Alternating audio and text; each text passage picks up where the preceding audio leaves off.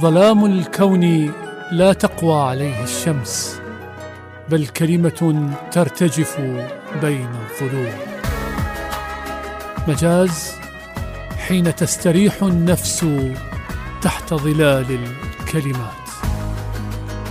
مجاز بستان الأدب وحديقة اللغة. مجاز مع علي محمود خضير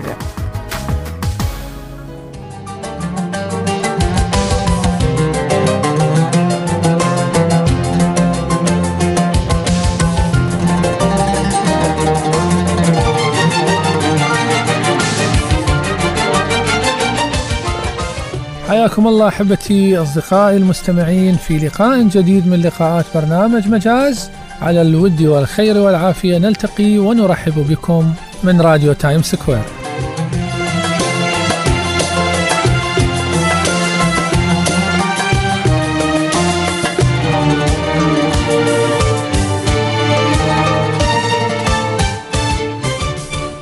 على الهواء مباشرة وعلى مدار ساعة كاملة من الآن سنكون معا. أنا علي محمود خضير في الإعداد والتقديم يرافقني في الإخراج والتنفيذ الزميل المبدع مصطفى نزار فخليكم في القرب.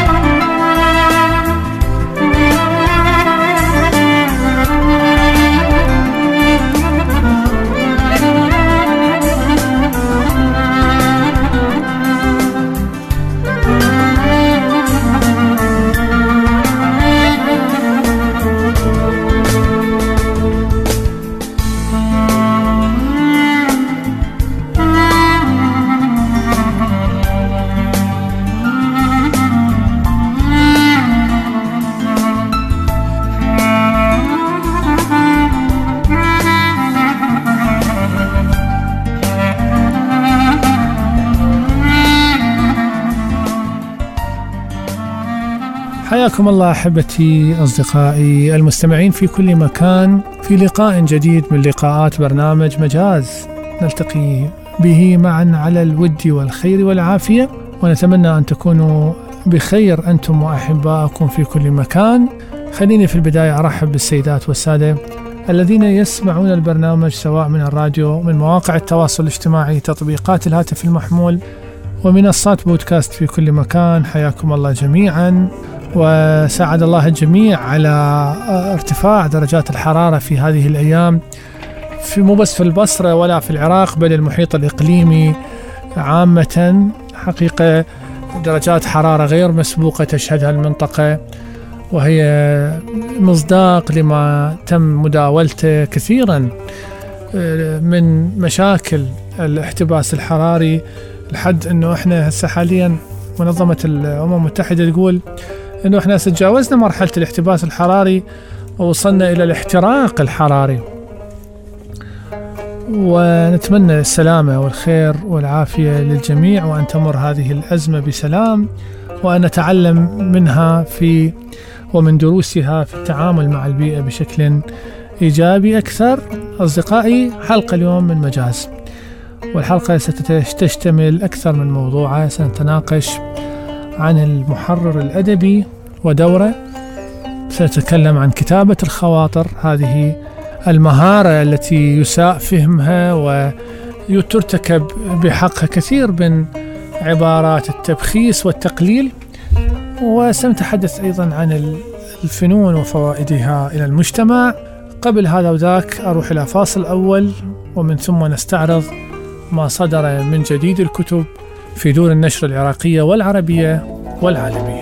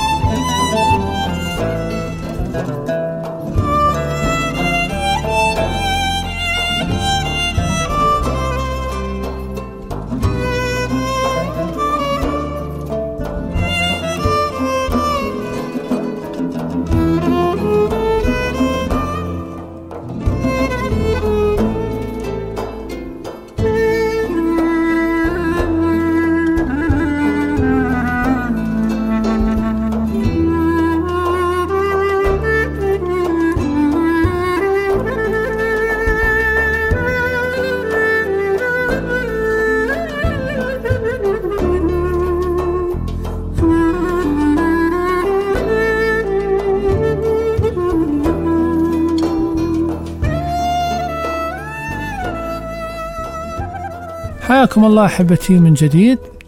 في جديد الإصدارات للكتب التي صدرت في الأسبوع الماضي مجموعة قصصية للقاص المغربي أنيس الرافعي بعنوان جميعهم يتكلمون من فمي. بحث قصصي في الشامانية الجديدة عن دار خطوط وظلال. وعن نفس الدار صدرت مجموعة قصصية للقاص والشاعر والروائي العراقي زهير كريم بعنوان خط أحمر. وطبعة جديدة من المجموعة الشعرية أنقذوا أسماكنا من الغرق ونصوص أخرى صدرت عن آه، اتحاد أدباء وكتاب ميسان للشاعر رعد زامل واحد من أهم شعراء المدينة. وأيضا دراسة في التجنيس والتداول بعنوان السرد والمقاوم في النثر العربي دكتور قيس كاظم الجنابي عن دار أبجد. أخيرا ثورة التوابين كتاب لبثينة بن حسين عن منشورات الجمل. وإحنا طبعا نعيد التذكير بأنه يسعدنا أن نعلن عن جديد إصدارات الكتاب أصدقائنا في كل مكان. وأساتذتنا أيضا وبهذه المناسبة آه، نزف التهاني للأستاذ الكبير الكاتب محمد صالح عبد الرضا لقرب صدور كتابه احتمالات الكتابة طبعة خاصة في البصرة. فاصل وراجعين.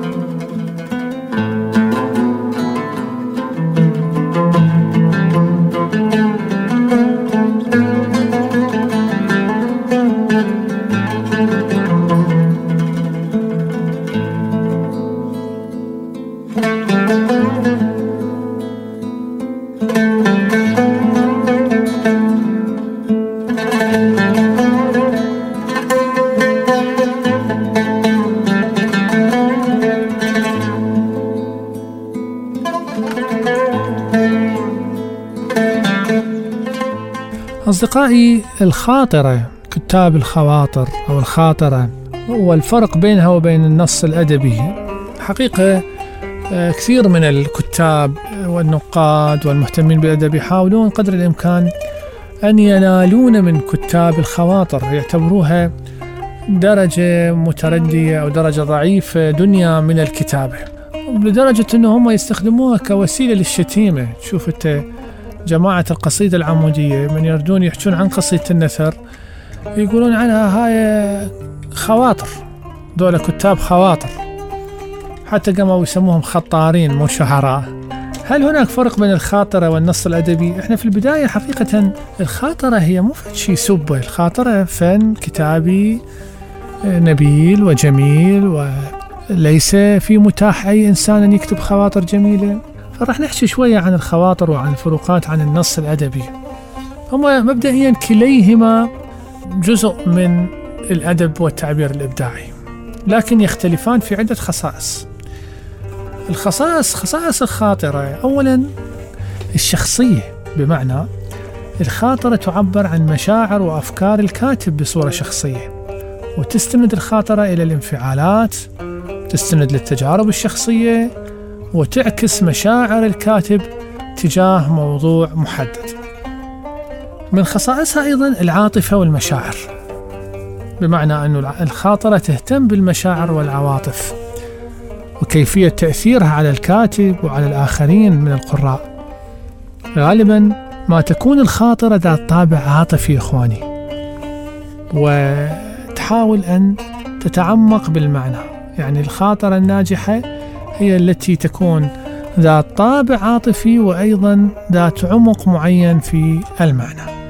من خصائص الخواطر بالتأكيد الإيحاء والرمزية اللي تستخدمها لنقل المشاعر والأفكار بطريقة جمالية أحيانا وطريقة غامضة أحيانا أخرى.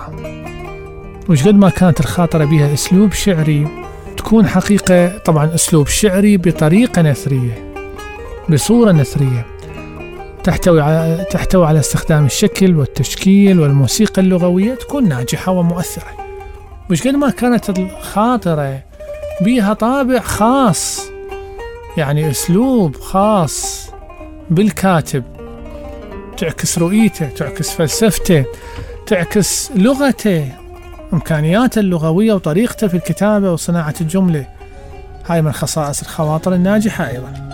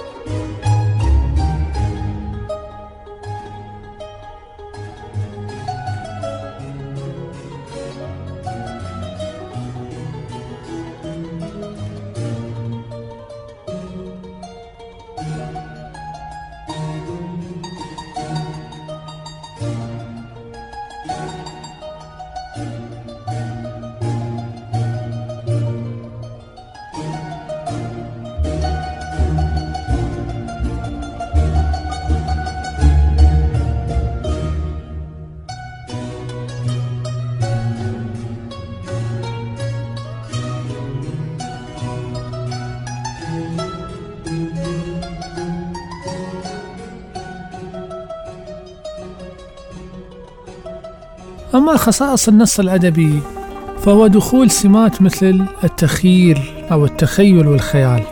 النص الأدبي يعتمد على التخيل على الخيال على إنشاء عالم خيالي وتقديم شخصيات وأحداث. النص الأدبي يركز على القصة إذا كان خاصة سرد يعني أو رواية قصة واضحة هدف واضح من خلال السرد والشخصيات. كذلك النص الأدبي يتمتع بالتنوع.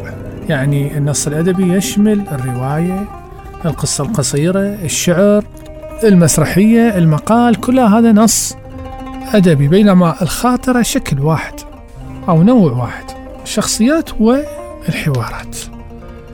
أصدقائي تنشئ أو تنشئ الشخصيات والحوارات العلاقات والتوتر والحبكة داخل النص الأدبي وبالتالي تجعل منه أكثر تفاعلية وأكثر آه، جودة. كذلك نفس الشيء مثل ما الخاطرة بها أسلوب من الأشياء اللي يشابهون بها أيضا النص الأدبي آه، بأسلوب لكن حقيقة أسلوب الأدب أسلوب النص الأدبي يتطلب أن يكون أكثر آه، تعقيدا أكثر تنوعا. لاحظ شلون؟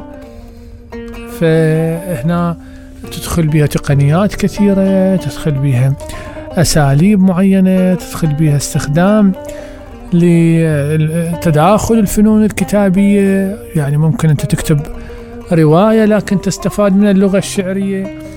ممكن تكتب قصيدة ولكن تستفاد من طاقة السرد أو الحوار اللي هو معروف من من أهم سمات المسرح وهكذا.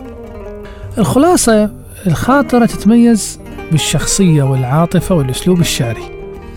بينما النص الأدبي يتميز بالتخيل بالتنوع وبالحدوتة أو الحكاية سواء داخل الشعر أو داخل القصة.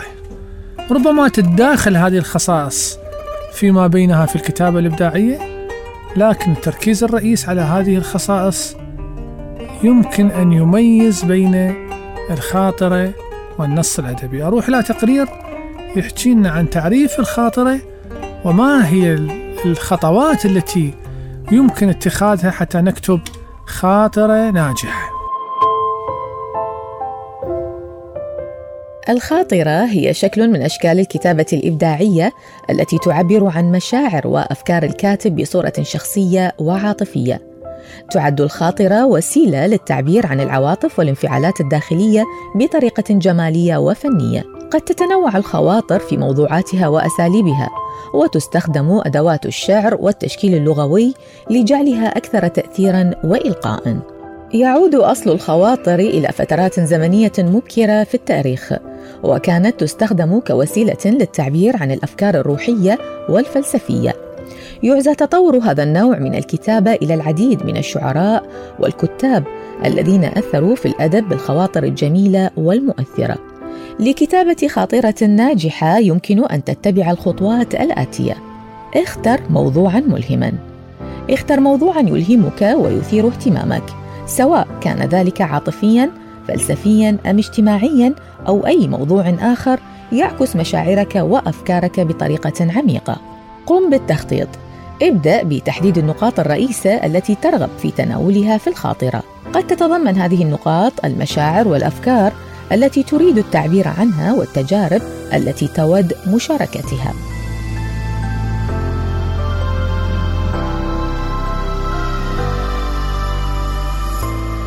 ابدأ بكتابة المقدمة حاول أن تجذب انتباه القارئ من خلال مقدمة جذابة تعكس موضوع الخاطرة وتثير فضوله للمتابعة. عبر عن مشاعرك بصدق. استخدم الكلمات بصدق وعاطفة للتعبير عن مشاعرك وأفكارك.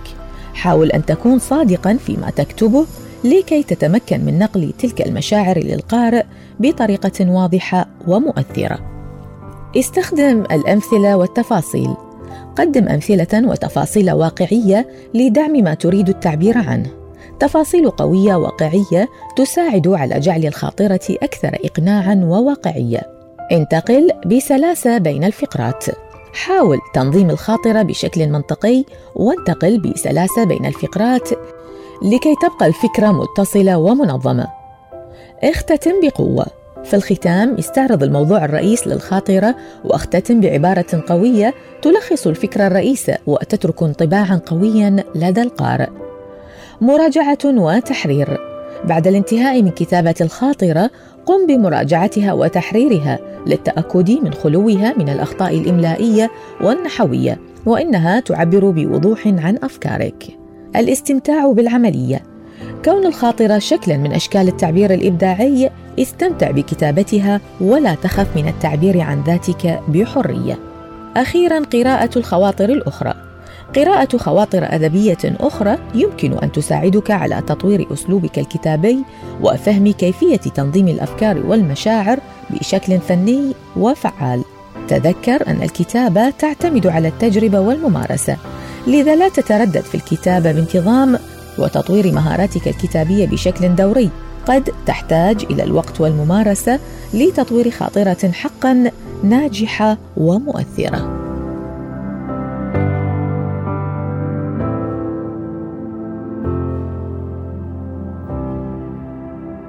بالنهاية أصدقائي من المهم جدا أنه الإنسان خاصة بالكتابة لا يخلط يعني من يكتب يحاول أنه يطلع كتاباته على شخص صريح صادق وذو خبرة أدبية ويقول له يابا أنا جاي أكتب خواطر لو جاي أكتب ممكن أشياء ممكن تصير شعر لاحقا ممكن أشياء تشبه القصة.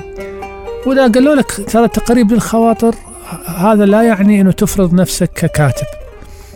أبقى بمنطقة الخواطر إلى أن تتمرن وتتدرب لحد ما تكتب نص أدبي ناجح ومكتمل. وبنفس الوقت هذا مو عيب ترى يعني أنا أتمنى حقيقة أنه في يوم من الأيام أقدر أكتب آه، خاطرة ومؤثرة وجميلة وتوصل للناس تسعد الناس. إحنا هم لازم حقيقة شوية ننظف عقولنا من المفاهيم الخطأ دائما اللي إحنا كنا متبنيها أو أخذناها عن, عن الوسط الأدبي. أنه والله كتاب الخواطر دولي درجة أدنى ما هو الأتعس من, من يومهم هم اللي يكتبون نصوص أدبية رديئة وفارضين نفسهم أنهم كتاب نصوص أدبية إبداعية وينافسون المبدعين الحق.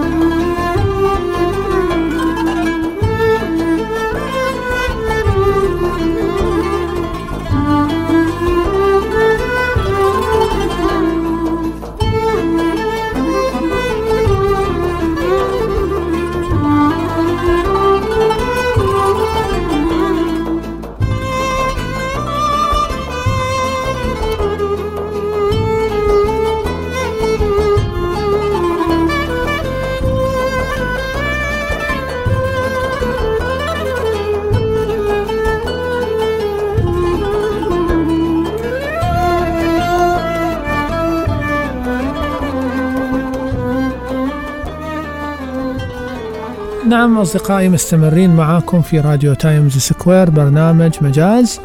علي محمود خضير في الإعداد والتقديم ومصطفى نزار في الإخراج والتنفيذ. واحدة من أهم مقومات وعوامل نجاح أي كاتب هو وجود محرر أدبي جيد يقف إلى جانبه خاصة في آه، كتابة السرد خاصة في كتابة الرواية كتابة القصة. كتابة الدراسات الأدبية النقد المقالات. المحرر حقيقة شيء يجود النص يساعد الكاتب على مكانات الضعف في نصه يعطيه اقتراحات لتقوية الناس يلفت نظره إلى أخطاء يلفت نظره إلى مواطن الضعف. فبالتالي وجوده مهم وفي الغرب حقيقة المحررين يأخذون مبالغ هائلة. ولهم شهرة كبيرة. وهناك محررين متخصصين يرافقون الكتاب. ميلان كونديرا عنده محرر الخاص. ماركيز عنده محرر الخاص. يوسع وهكذا. إحنا عندنا شوي بالعالم العربي. أكو نوع من سوء الفهم والضبابية في قضية المحرر. المحرر مكروه يعني كاتب من تقول له يابا أنا خليت آه، محرر يحرر النص. وهذه آراء المحرر يتخبل ما يقبل. يعتبر هاي نوع من الإساءة إليه يعتبر هذا نوع من أنه أنت جاي تقول له يابا أنت كاتب ضعيف ونجيب لك واحد يساعدك. أه وتعرفون إحنا يعني كعرب كشرقيين ك ما نقبل إنه نعط نحس إنه إحنا ضعفاء أو عندنا خلل بعملنا وهاي مشكلة لأن ماكو واحد عمله كامل. ولهذا تشوف كثير من كتابنا وكتاباتنا وكتبنا تنقصها أشياء. ما شايفين مرات أحيانا تقرأ رواية تقول هاي الرواية حلوة بس لو يرادلها هي هاي اللو. هاي القصيدة حلوة بس لو مسوي كذا لو لو أو مثلا شو تقول؟ تقول هاي القصة جميلة بس ما أعرف شنو ينقصها حتى تكون جيدة. هو هذا شغل المحررين. لأن المحرر شخص حيادي يطلع على النص بنسخته الخديجة ويقومه ويعدله ويقترح له. لكن ويا من تحكي؟ هاي مشكلة كبيرة. لكن ما هي خصائص المحرر الأدبي الناجح والمتفوق؟ شلون نعرف إحنا جاي نتعامل ويا محرر أدبي جيد؟ بها اعتبارات عدة وجوانب مختلفة ناخذها بعد فاصل قصير.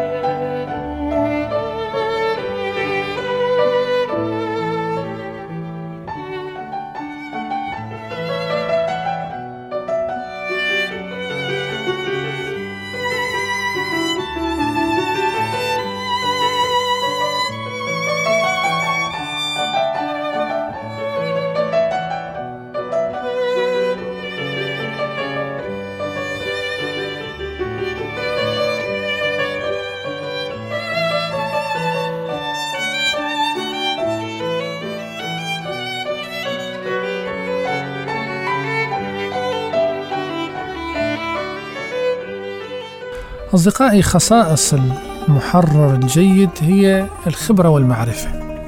مستوى الخبرة والمعرفة الأدبية للمحرر واحد من المؤشرات الهامة لكفاءته. يعني يجب أن يكون عنده فهم عميق للأدب للتقنيات الأدبية للأساليب الأدبية المختلفة. الأهم من هذا أيضا اللغة والنحو. المحرر لازم يكون متقن للغة متقن للنحو. شلون يحرر إذا هو ما عنده آلاء يعني أدوات لغة. وقادر على اكتشاف وتصحيح الأخطاء اللغوية والنحوية في النصوص. كذلك يتمتع بالإحاطة بالتفاصيل بالدقة. المحرر الجيد عليه أن يكون حذر ودقيق في عمله وتحرير النصوص. يجب أن ينتبه للتفاصيل الصغيرة. يجب أن يتحقق من دقة المعلومات. إذا أكو معلومات مثلا مذكورة في النص. أحيانا بعض الروايات آه، تتضمن معلومات تاريخية تواريخ أحداث وهكذا. آه، المحرر الجيد يجب أن يكون عنده تواصل جيد مع الكتاب مع فريق العمل. يجب أن يكون قادر على إيصال الملاحظات توجيهات بشكل واضح واحترافي. هاي مسألة مهمة. مسألة مهمة أن يكون قادر على التحليل قادر على التقييم النقدي للنصوص. يعرف النص الزين من النص المو زين عنده قدرة أن يقترح تحسينات وإضافات للنص بطريقة بناءة تجوده هاي ما هاي مهارات. هو تخو ما جاه جاي وقال والله أنا محرر. مبتسم انت تدخل على الانستغرام والفيسبوك. كلمة محرر يعني من أكثر الكلمات اللي تشوفها مذكورة بالبايو. لكن هل تنطبق عليها هاي المواصفات اللي حكيناها؟ حقيقة هاي مسألة لازم واحد يفكر بيها بشكل دقيق وجاد ومحايد. هي خما اللعب شعاب يعني. إحنا نريد محرر يخلي النص أكثر جاذبية أكثر جمالية. بالتالي لازم يقيم جودة عمله من خلال التحسينات اللي يضيفها للنص وكيفية تنسيق النص حتى يحصل على أفضل تجربة قراءة. هاي أيضا مسألة مهمة. يعني المحرر الناجح كذلك يتمتع بروح فنية بقدرة أنه يتفاعل ويا الأعمال الإبداعية. لازم تكون عنده رؤية فنية تسهم في تحسين النصوص. عنده رؤية والشخص يعني عليه أن يقرأ هواي ويتعلم هواي حتى تكون عنده رؤية. الرؤية ما تجي منا والدرب يعني ما تجي لمجرد أنه أنا أعرف باللغة زين فخلص أنا محرر جيد. قلنا يعني لازم تكون عنده إحاطة فنية وإحاطة أدواتية إجرائية.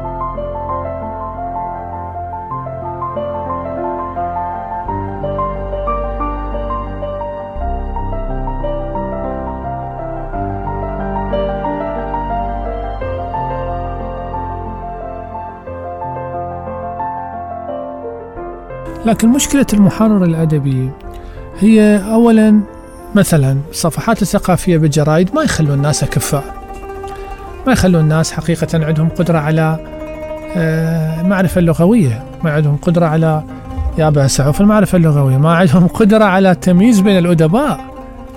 يعني أحيانا بعض الصحف تنزلهم مقالة تتحدث عن آه، بعض ترد بها بعض أسماء كتاب عالميين أو عرب. شوف المحرر يختار صور لهؤلاء المذكورين في المقالة ما لها علاقة بالأشخاص بالشخصيات الأساسية. من تحكي وياه يقول لك آه، ها خطأ خطأ خطأ خطأ. تكتشف لاحقا أنه هو ما يعرف يعني.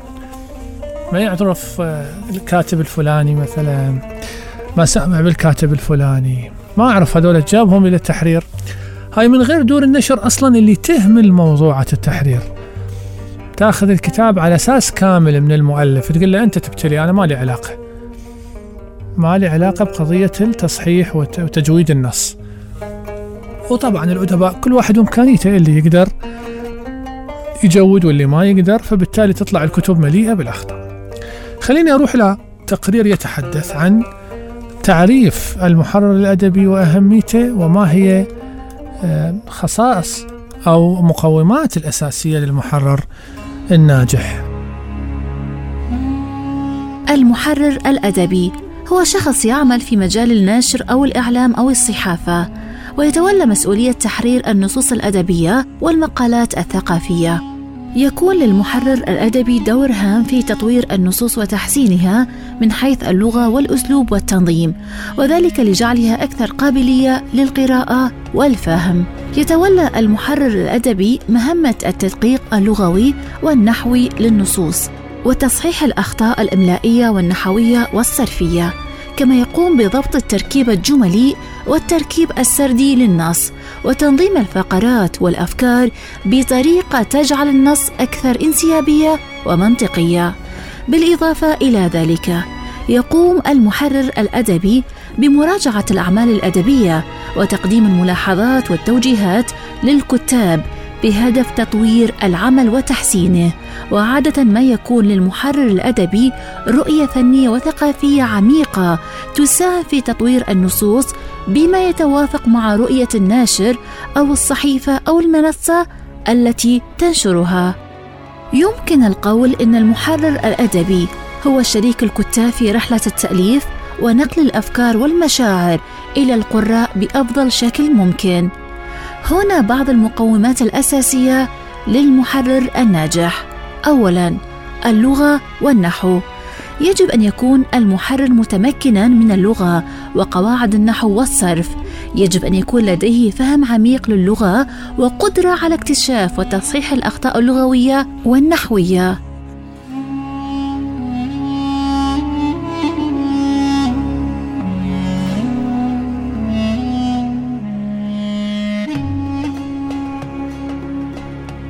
ثانيا التفاصيل والدقة. المحرر الناجح ينبغي أن يكون حذرا ودقيقا في عمله. يجب عليه التحقق من كل جانب في النص والتأكد من إنه خال من الأخطاء. ثالثا التفكير النقدي. يحتاج المحرر الناجح إلى القدرة على التفكير بشكل نقدي وتقييم النصوص من الناحية الأدبية والتحريرية.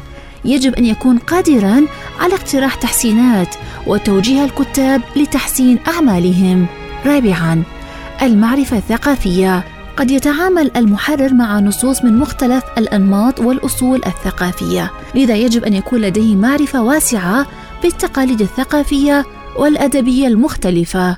خامسا التواصل الجيد. يجب أن يتمتع المحرر بمهارات التواصل الجيدة حيث يحتاج للتواصل مع الكتاب والمؤلفين وفريق العمل الآخرين لضمان تحقيق أفضل إنتاج. سادسا الاهتمام بالتفاصيل الجمالية.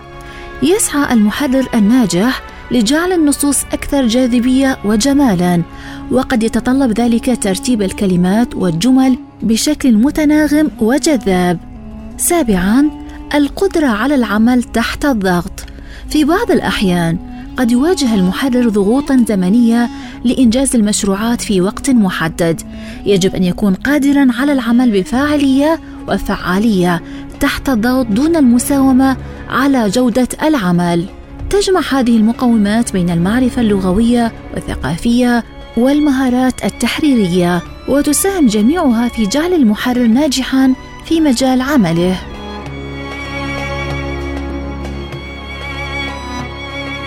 إذا أصدقائي نرجع لكم من هذا التقرير وفي جديد الإصدارات ثلاث كتب عن دار الشؤون الثقافية العامة في وزارة الثقافة. جوانب من نحو عربية العراق المحكية دراسات لدكتور مرتضى جواد باقر وأيضا تأملات في اللغة لنعوم تشومسكي وكتاب آخر بعنوان جوانب من نظرية النحو لنعوم تشومسكي أيضا طبعة بغداد لذات المترجم مرتضى جواد باقر. فاصل إخواني ونكمل إلى المحور الثالث من حلقتنا لهذا اليوم.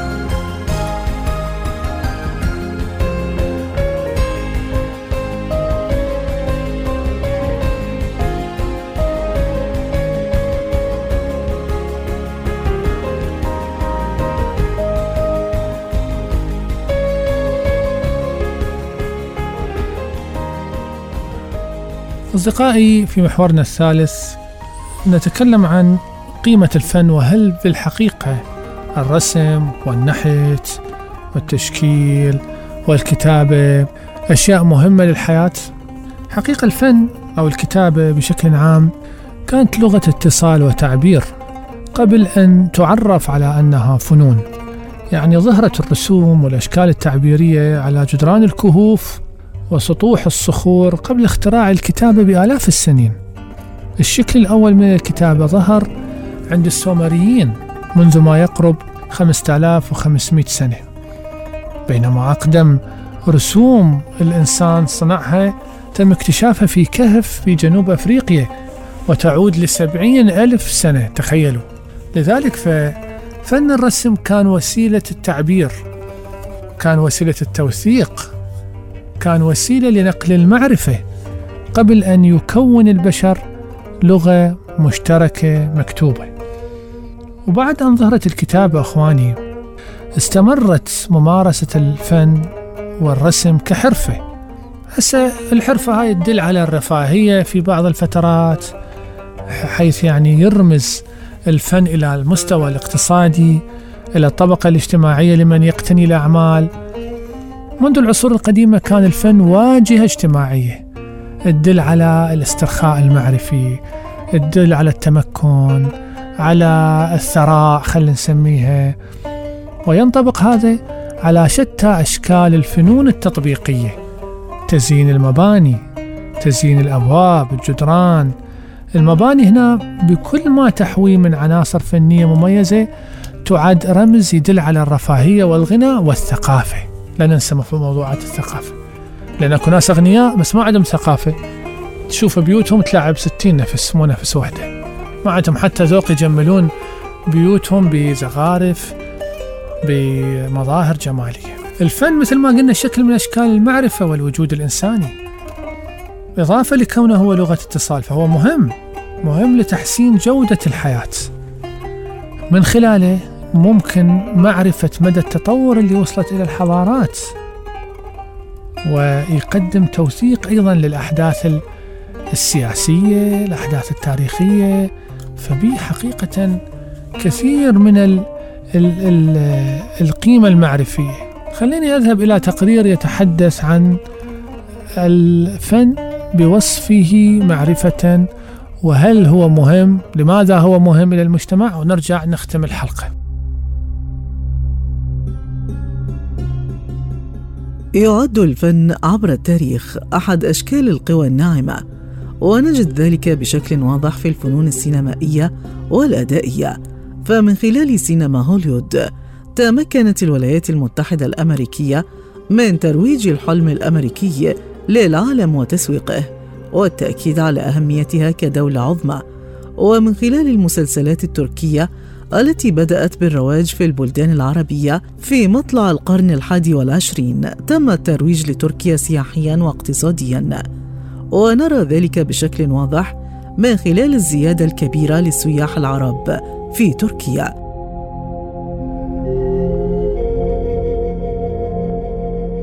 وعبر التاريخ نجد كثيرا من الأدوار للفن بوصفه قوة ناعمة من خلال عدة أمثلة. فالقائد الفرنسي نابليون بونابرت. استخدم التصوير التشكيلي كنوع من الدعاية السريعة لذاته وسياسته حيث نجد كثيرا من الأعمال الفنية التي تصور معاركه وانتصاراته رغم هزائمه المتعددة. لكن التعبير عنه وتناوله فنيا كان سببا في شهرته وخلود ذكره تاريخيا. وفي وقتنا المعاصر نشاهد الفن كمثال لتمرير الرسائل الاجتماعية والسياسية مثل فنون الجرافيتي لدى الفنان الشهير بانكسي أو فن الأرض والفن البيئي الذي استخدمه الفنانون للتعبير عن قضايا البيئة إضافة لاستخدامه من قبل بعض الدول للتعريف بتراثها وثقافتها للعالم مثل فرنسا التي استخدمت الفنون لتعزيز صورتها العالمية وجعل عاصمتها باريس. عاصمة للثقافة والفن والأزياء. الأمر الذي حقق لها مكانة ثقافية متميزة في العالم إضافة للمكاسب الاقتصادية.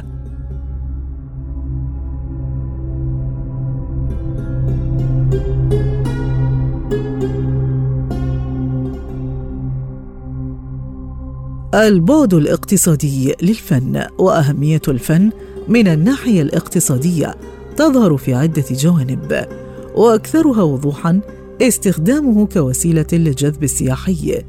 ويلاحظ ذلك في المدن التي تحتضن أهم الأعمال الفنية العالمية حيث ينتعش اقتصاد هذه المدن وأعمالها المحلية مثل فنادقها ومطاعمها ومرافقها المتنوعة من خلال السياحه الفنيه إضافة لذلك فانتعاش الفن وما يرتبط به من دوائر محيطة يرفع نسب العمل في هذا المجال من خلال عمليات بيع وشراء وتسويق الأعمال الفنية ومحال المستلزمات الفنية والإطارات والمعارض المختلفة.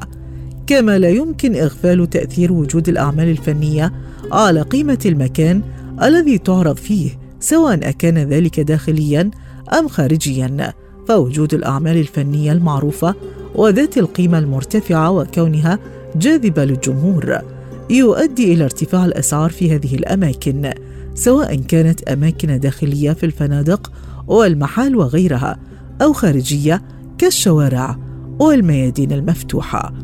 الفن ليس فقط ما سبق فالحديث عن أهميته يتجاوز الأسباب التي ذكرت إلا أن البحث عن أهمية الفن وترسيخه مهم حتى يتلقى الفن الدعم الذي يحتاجه. لذلك قبل المطالبة بدعم الفن لا بد من أن نجيب عن لماذا ندعمه.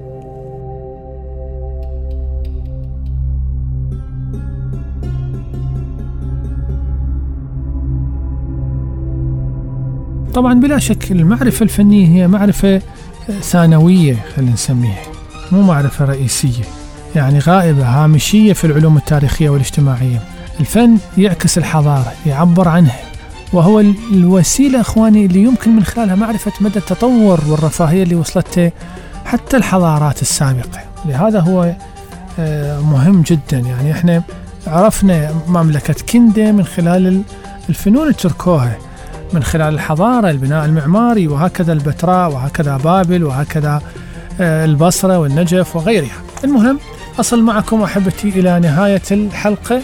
أتمنى تكون حلقة ممتعة ومفيدة وأن تكونوا قد استفدتم من المعلومات التي تناولتها. تقبلوا في نهاية تحياتي. أخوكم علي محمود خضير في الإعداد والتقديم وهذه أجمل وأرق تحية من الزميل المخرج مصطفى نزار في الإخراج والتنفيذ. حتى نلتقي لقاء قريب قادم. أتمنى لكم أطيب الأوقات مع باقي برامج الإذاعة. كونوا في رعاية الله وحفظه.